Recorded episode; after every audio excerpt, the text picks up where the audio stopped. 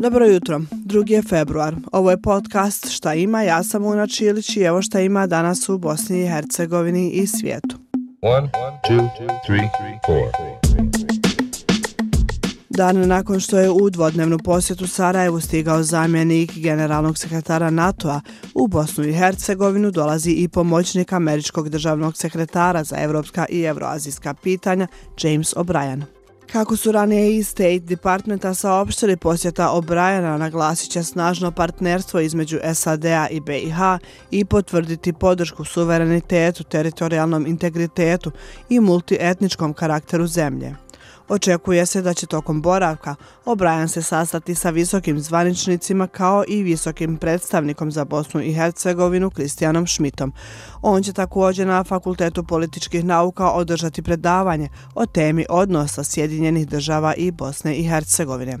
A kao što rekoh na početku, u posjeti Sarajevu još danas je i zamjenik generalnog sekretara NATO-a Mircea Geoana.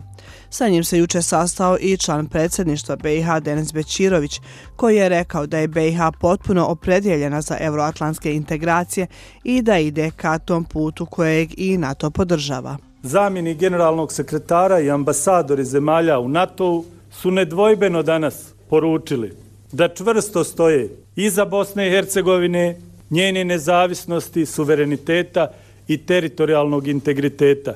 I svi su vrlo jasno poručili da najoštrije osuđuju bilo kakav poziv na secesiju i ugrožavanje suvereniteta i nezavisnosti Bosne i Hercegovine. Ja sam između ostalog na ovom sastanku argumentovano ukazao na to šta su strateški ciljevi države Bosne i Hercegovine.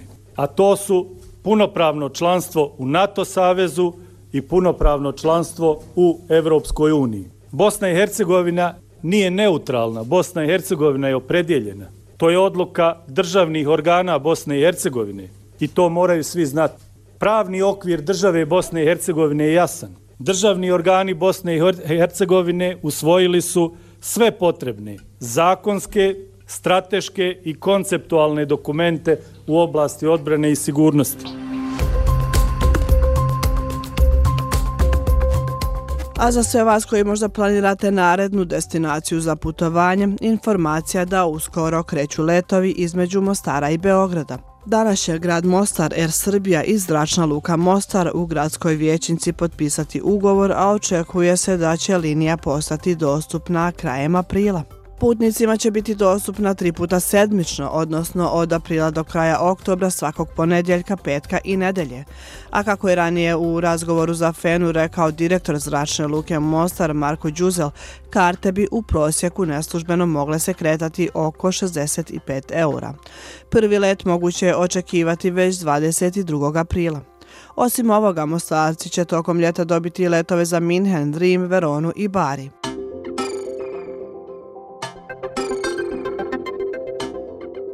Sinoć, kad se vraćah iz topla hamama, prođoh pokraj bašte staroga imama.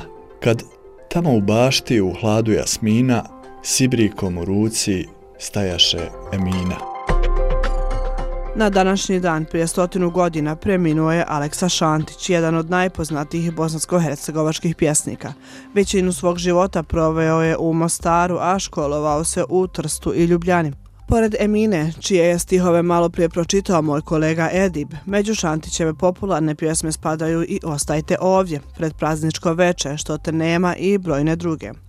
Povodom stogodišnjice od njegove smrti večera će u Centru za kulturu u Mostaru biti održana večer sjećanja na Šantića.